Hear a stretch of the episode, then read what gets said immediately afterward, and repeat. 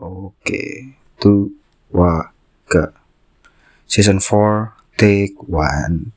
Yo, Aquario dan ya balik lagi di After Friday Podcast. Ini adalah podcast tentang keraguan, kesalahan, dan juga pencapaian anak-anak yang lagi di umur 20-an. Aku ajak kamu untuk ngobrol di sini ya mungkin sekarang kamu harus menghadapi fakta bahwa banyak momen pendewasaan dan tanggung jawab yang nyata terjadi di perjalanan hidup kamu dan aku tentunya. Dan ya, itu aja intronya. Jadi ini berawal dari uh, episode terakhir ketika aku menemukan banyak banyak apa ya momen kali. Banyak perasaan kayak harusnya nggak kayak gini nih harusnya kayak gitu harusnya kayak gini harusnya kayak gitu kayak gitu. Terus iseng aku dengerin lagi podcast uh, yang pertama-pertama banget waktu After Friday masih namanya remaja tingkat akhir. Itu kayak dengerin ulang kayak lucu juga ya. Aku monolog dengan pembukaan, dengan dengan skrip yang tertulis, dengan back sound yang sempat di komen kegedean sampai suara aku nggak kedengeran. Itu momen-momen yang yang menyenangkan gitu. Season 1 penuh season 2 sampai season 3 tapi gini After Friday udah 50 episode lebih dengan total ya mungkin seribu kali lebih di play gitu. Setidaknya di Spotify yang aku tahu. Seneng ya jelas lah ya siapa yang gak seneng gitu. Bahkan untukku sendiri yang ya mungkin angka seribu sama sekali nggak nggak terhitung buat uh, podcaster yang mungkin jauh lebih senior gitu.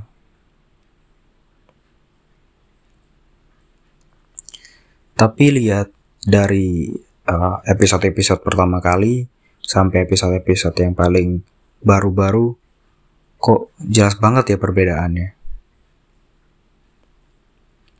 Jadi kalau aku boleh share nih, dulu waktu aku bikin uh, satu episode itu pertama berdasarkan apa yang aku jalani gitu, apa yang aku lewati gitu. Ini kayak yang pertama banget itu soal uh, apa ya? Ini bisa disensor sih, cuman ya gak usah lah. Intinya tentang uh, kenapa sih kita benci sama orang kaya? Kenapa sih orang kaya itu selalu dianggap sombong? Kenapa sih orang kaya selalu dianggap cuek itu kan? Itu sebenarnya berawal dari keresahanku sendiri. Aku melihat bahwa uh, dulu kenapa ya aku kok nggak suka itu gitu sama sama orang yang yang punya uh, finansial cukup gitu dibandingkan dengan aku yang mungkin ya ada beberapa kekurangan dan sebagainya. Berdasarkan dari situ. Berdasarkan dari pengalamanku pribadi. Terus akhirnya aku riset, tambahin, uh, cari pandangan-pandangan baru dan sebagainya. Tertulis di skrip mungkin ya sampai dua atau tiga lembar. Terus baru tag podcastnya. Dengan pembukaan dan penutupan yang selalu sama di setiap episodenya Tapi season 1 selesai dengan sangat konsisten dengan pendengar yang cukup banyak, aku merasa oke. Okay, mungkin aku nggak harus yang kayak gitu. Toh juga mungkin kamu tetap dengerin suara aku gitu kan. Jadi aku merasa kayak ya udahlah. Toh podcast ini juga ya buat aku aku dan kamu doang gitu loh. Jadi aku mulai merasa oh, aku nggak peduli dengan topiknya apa yang aku mau ngomong ya ngomong aja gitu. Kadang-kadang meskipun gak berbobot ya tetap aku omongin. Meskipun gak seberapa lucu juga aku tetap omongin. Meskipun mungkin beberapa teman yang aku ajak di sini mereka nggak ternyata nggak seintu dengan topiknya tapi tetap aku paksa. Maksudnya ya nggak paksa juga sih. Maksudnya aku tetap meminta mereka untuk membawakan topik di mana mereka sebenarnya juga nggak terlalu interest gitu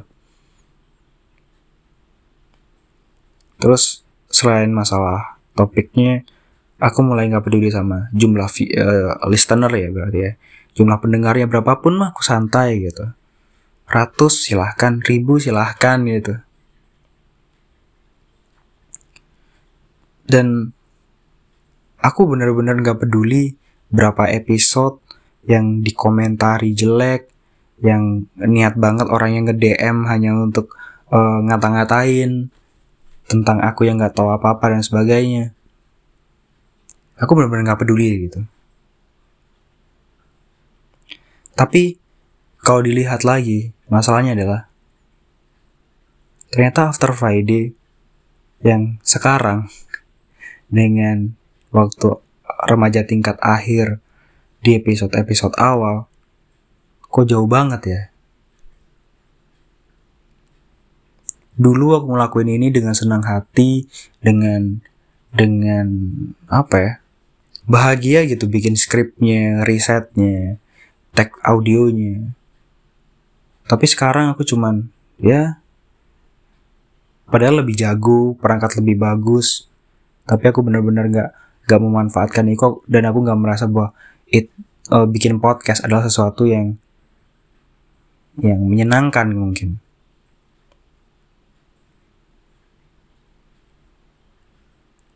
jadi aku merasa ada di titik nyamanku di mana aku nggak peduli sama siapa pun aku nggak peduli dengan apa pun yang aku ucapkan nyaman dengan kondisi di mana nggak ada yang menuntut untuk melakukan sesuatu atau setidaknya ngimprove diriku sendiri di podcast ini.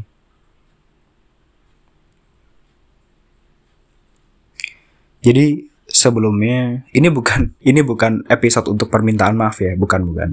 Cuman ada beberapa poin yang aku harus sampaikan dulu di awal sebelum lanjut ke topik utamanya.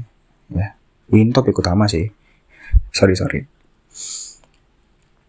Jadi sebelumnya aku mau minta maaf. Asik, minta maaf. Jadi intinya aku mau minta maaf ke kamu yang lagi dengerin podcast ini sekarang.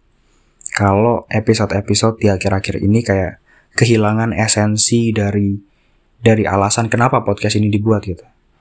Di mana podcast ini sebenarnya dibuat untuk mewakili cerita anak-anak 20-an. Iya cerita tentang mereka ragu, cerita tentang kesalahan, cerita soal pencapaian.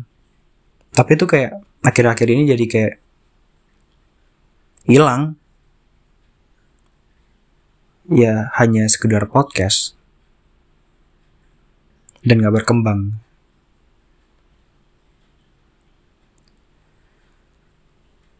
Tapi di satu sisi semakin lama podcast ini ya udah sekitar satu tahunan nyaman iya nyaman. Karena aku bikin podcast nggak nggak harus susah payah kayak yang dulu harus riset dan sebagainya. Tapi aku mulai mempertanyakan ke diriku sendiri kayak aku buat podcast ini untuk apa sih? Kalaupun kalaupun nih setidaknya untuk diriku sendiri atau ya cuman beberapa dari kamu yang dengerin podcast ini. Tapi kenapa aku masih harus memaksa diri untuk setiap setiap uh, Jumat malam aku upload? Itu ngapain? Jadi kayak aku ada di tengah-tengah antara satu zona nyaman dan satu lagi aku merasa tertuntut untuk harus bikin podcast ini terus gitu. Jadi intinya kenapa aku ceritain soal hal ini itu karena situasi ini itu membawa aku ada di zona yang terlalu nyaman sampai aku nggak peduli soal apa pun dan aku nggak peduli soal pendapat siapa pun. Ya meskipun nggak sepenuhnya ya tetap ya tetaplah aku peduli sama sama yang komen-komen. Cuman ya, mayoritas ya nggak jadi orang bilang kan kalau zona kayak gini namanya zona nyaman ya. Ya bener sih nyaman. Nyaman karena aku nggak nggak peduli soal apa pun gitu. Tapi kok aku sendiri ngerasa aku stuck ya. Aku kayak nggak ke mana-mana. Podcast ini ya cuma sekedar jadi after Friday yang ya ya mungkin rajin upload setiap Jumat setiap minggu. Tapi esensi dari after Friday itu kayak hilang aja. Jadi kok aku merasa aku stuck dan aku nggak ke mana-mana. Jadi ini jadi kayak zona nyaman yang nggak nyaman buat aku. Gimana tuh berarti? Aku sempet riset balik lagi ke tradisi waktu season 1 waktu After Friday masih remaja tingkat akhir di mana aku selalu riset jadi aku riset soal zona nyaman. Zona nyaman comfort zone. Itu kata yang pertama kali muncul di sekitar tahun 2009 yang nyiptain namanya Dare White. Kalau nggak salah sih itu namanya. Pokoknya ada white white nya lah belakangnya. White putih ya. W H I T ya nggak penting juga aku ngucapin itu. Intinya doi itu kayak ahli ahli manajemen gitu lah. Yang nyiptain kata-kata zona nyaman. Doi bilang kenapa sih kok orang itu bisa stay di zona nyaman? Mereka bisa nggak nggak nggak keluar dari dari area itu untuk waktu yang cukup lama bahkan mungkin selama lamanya gitu dia jelasin kalau zona nyaman itu memberikan kepastian. Semuanya masih sama. Pasti nggak ada yang berbeda. Nggak ada yang yang tiba-tiba ada tiba-tiba hilang. Semuanya jelas gitu. Terus doi bilang kalau zona nyaman itu bikin adanya rasa aman. Aman karena ya nggak ada yang nggak ada sesuatu yang yang beresiko, semuanya terkendali gitu. Ada ada di genggamanmu lah istilahnya. Dan doi bilang juga kalau zona nyaman tuh familiar. Jelas, itu udah jadi kayak kebiasaan kan. Zona nyaman kamu bisa dibilang zona nyaman tuh pasti pasti kita udah udah lama banget di zona itu sampai kita benar-benar gak merasa ada hal yang harus kita coba atau kita uh, apa ya raih mungkin dan yang paling masuk akal si Mr. White ini bilang kalau zona nyaman tuh stabil tapi ini aku just, apa ya setuju banget sih kalau zona nyaman tuh stabil ya stabil nggak ada susah di bagian A dan berat di bagian B atau sebaliknya aman tenang stabil terkendali zona nyaman bikin kita nggak tertekan bikin kita lebih santai zona nyaman bikin kita bisa istirahat kapan aja yang kita mau dan gak memaksakan diri gitu jadi semuanya tentang zona nyaman itu selalu lebih mudah dan selalu menyenangkan. Itu yang menurutku terjadi juga di After Friday dua season terakhir. Dua season terakhir aku terlalu nyaman, aku terlalu aman karena semuanya pasti. Semuanya udah terjadwal, topik-topik udah aman. Apa pun yang aku ucapkan, aku merasa itu aman untuk dipublish. Aku familiar dengan dengan pendengarku dengan uh, model caraku untuk apa ya menyampaikan pendapat mungkin bisa dibilang After Friday ada di zona nyaman ya sekarang tapi kalau kata orang ya ada di zona nyaman itu memang bikin kita selalu nyaman selalu aman tapi kalau kita keluar zona nyaman, kita bisa tahu lebih banyak hal dan lebih bisa belajar tentang banyak hal. Kalau menurut kamu setuju nggak sih soal itu? So, kalau kita mau jadi sesuatu yang lebih baik, mending kita stay just uh, like we are now or just go out and find new things gitu yang bisa kita pelajari. Karena gini, kalau kita stay di zona nyaman pun, aku yakin pasti ada hal yang kita pelajari kan. Ya nggak mungkin dong kalau kamu nyaman uh, makan Indomie, berarti kamu cuma makan Indomie yang ya yeah, just uh, Indomie yang direbus dikasih bumbu selesai. Enggak kan?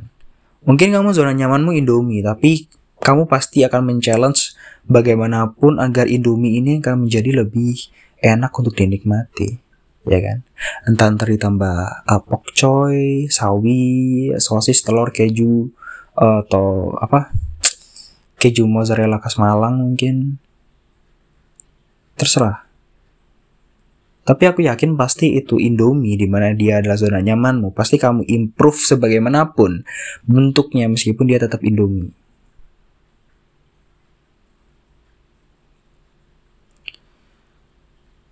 tapi kalau menurut pandanganku, aku selalu menilai bahwa ada di zona nyaman ataupun keluar dari zona nyaman itu adalah sebuah pilihan. Mungkin beberapa orang harus harus uh, keluar dari zona nyaman untuk ngambil keputusan baru, untuk belajar hal baru, untuk mendapatkan pengalaman. Tapi aku yakin juga pasti ada orang-orang atau mungkin kamu yang memilih tetap di zona nyaman karena memang kamu merasa udah cukup, gak ada lagi yang mau kamu cari gitu. Dan aku menemukan mungkin banyak teman-temanku juga yang ternyata ada di situasi itu. Mereka gak, mereka memilih stay di zona nyaman bukan karena mereka apa ya? Bukan karena mereka ya tidak ingin untuk mempelajari hal baru gitu. Tapi karena mereka udah cukup dengan apa yang mereka miliki sekarang, akhirnya ya mereka menganggap bahwa ini zona nyamanku, aku nggak ada hal lagi yang mau aku cari, ya udah. Hidup ya berjalan begitu saja dengan tenangnya gitu. Jadi kalau kamu ngerasa cukup ya silahkan nikmati zona nyamanmu. Tapi kalau kamu ngerasa butuh improve ya silahkan bergerilyalah kamu untuk mencari hal baru yang mungkin bisa kamu pelajari.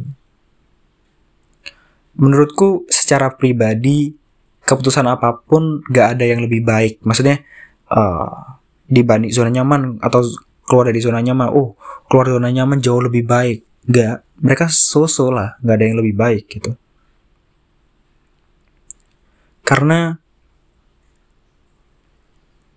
menurutku secara pribadi itu semua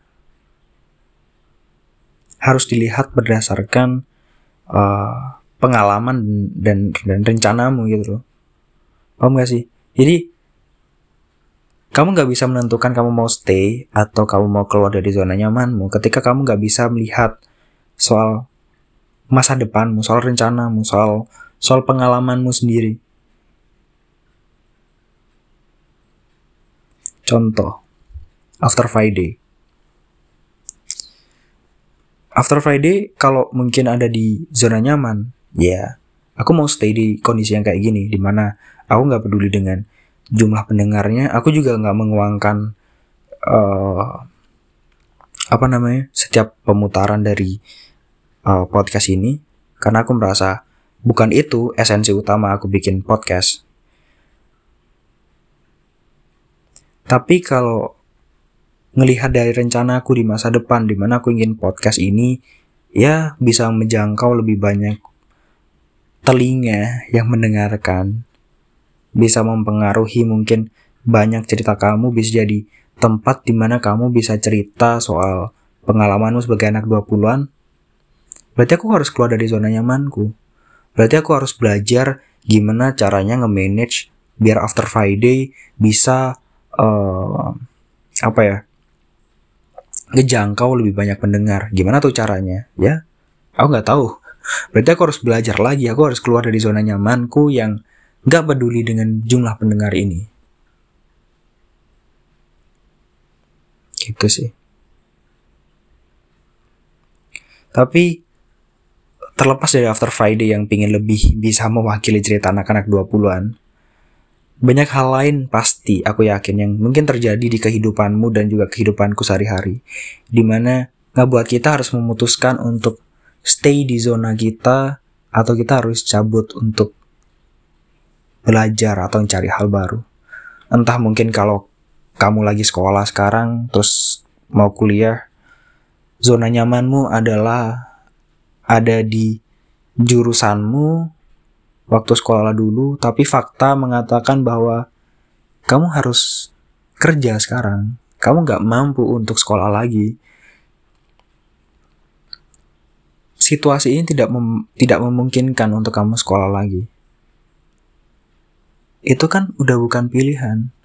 Bukan bagaimana memilih untuk sisi zona nyaman atau keluar dari zona nyaman. Tapi situasi yang memutuskan kamu harus keluar sekarang. Aku yakin banyak hal hal-hal semacam itu yang terjadi di kehidupanmu dan itu juga terjadi di kehidupanku sebagai anak-anak 20-an. Balik lagi ke fokus ke si zona nyamannya sendiri. Banyak yang bilang kalau zona nyamanku tempatnya pemalas, tempatnya pecundang yang gak ma yang gak berani menghadapi dunia yang lebih luas gitu. Untuk kamu yang pecinta atau peng apa ya anggota kompleks zona nyaman aku minta kamu bisa bilang ke dirimu sendiri well setidaknya aku tahu apa yang mau aku lakukan untuk hidupku ya kalau ada orang yang bilang karena kamu ada di zona nyamanmu dan bilang kalau kamu itu pemalas dan pecundang bilang ke dia dan yakinkan ke dirimu sendiri kalau ya setidaknya aku tahu apa yang mau aku lakukan untuk hidupku. Oleh karena itu aku mau stay di zona nyamanku. Karena aku yakin dengan itu dengan kamu bisa memutuskan kamu mau stay atau kamu mau improve dirimu itu artinya kamu udah menjelaskan bahwa kamu tahu apa yang mau kamu lakukan.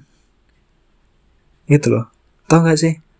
ketika kamu memutuskan untuk stay atau enggak itu kan kamu udah merencanakan kan kalau aku stay berarti aku cuman punya kesempatan ini ini ini dan bla bla bla bla bla lainnya gitu tapi ketika kamu memutuskan untuk keluar dari zona nyamanmu kamu pasti udah memperhitungkan bahwa oh resikonya ini ini ini ini berarti aku harus ngapain nih kayak gitu cukup untuk bisa menentukan jalan mana yang kamu pilih itu menurutku udah jadi suatu hal yang bagus banget karena kamu bisa menentukan jalanmu sendiri.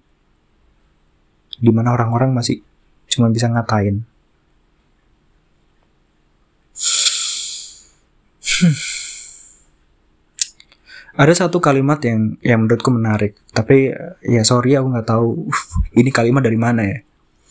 Intinya kalimat ini bilang gini.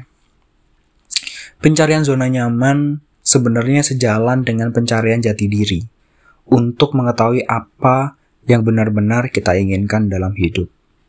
Di aspek atau area mana yang ingin kita investasikan lebih banyak. Persis kayak apa yang tadi aku sempat omongin.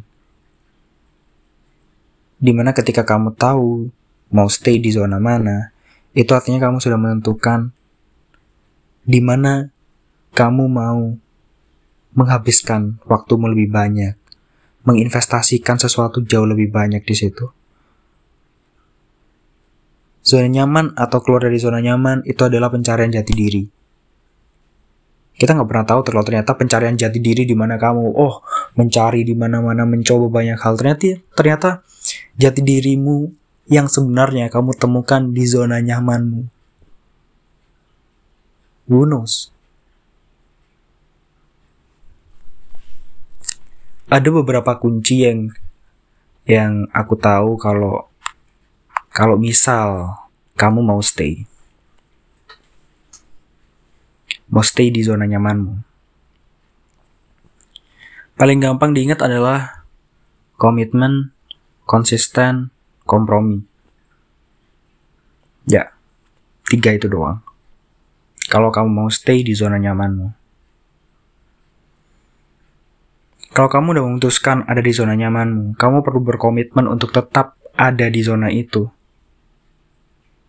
Dan ketika kamu berkomitmen, itu artinya kamu konsisten.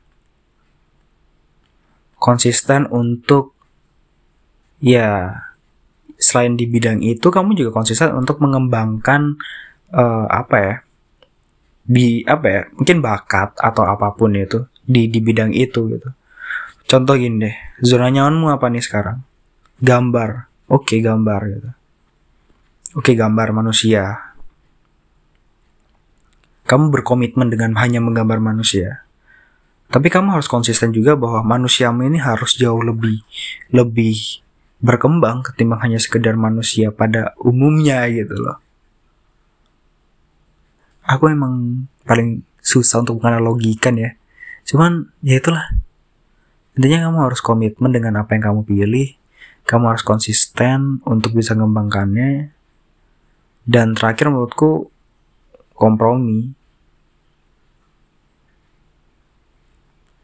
ketika kamu udah ada di zona nyamanmu, kamu harus berkompromi untuk bisa menciptakan tantangan-tantanganmu sendiri. Karena gini, ketika kamu ada di zona nyamanmu, artinya semua ada di kendalimu. Kamu memilih untuk bisa berkembang atau enggak, itu semuanya ada di tanganmu. Ketika kamu benar-benar menerima apa pun yang ada, apa pun yang nyaman bagi kamu, apa pun yang yang sesuai dengan apa yang kamu mau, ya kamu nggak akan jadi apa-apa, kamu nggak akan lebih jadi lebih dari seorang manusia itu gitu. Kalau aku, aku stay di di tempat-tempat ini aja, ya aku cuma sekedar jadi Aryo yang ya Aryo yang itu gitu. Jadi aku harus berkompromi untuk bisa menciptakan tantanganku sendiri agar aku tidak menjadi Aryo yang hanya itu aja, tapi Aryo yang bla bla bla bla bla bla. Gitu. Tapi buat kamu yang mau keluar dari zona nyamannya, percayalah bahwa keputusanmu itu mungkin gak, gak, ya mungkin akan beresiko, tapi gak sepenuhnya salah. Karena ketika kamu keluar dari zona nyamanmu, artinya kamu meng, apa ya, mengeksplor potensimu untuk untuk bisa berkembang. Kamu bisa ngebuat hidupmu mungkin jadi lebih baik. Karena kamu eksplor dirimu sendiri kamu bisa cari banyak cara untuk bisa mengenal dirimu lebih dalam. Kamu bisa lebih bahagia karena menemukan dan dan apa ya mencoba hal-hal yang baru yang mungkin nggak pernah kamu lakukan sebelumnya.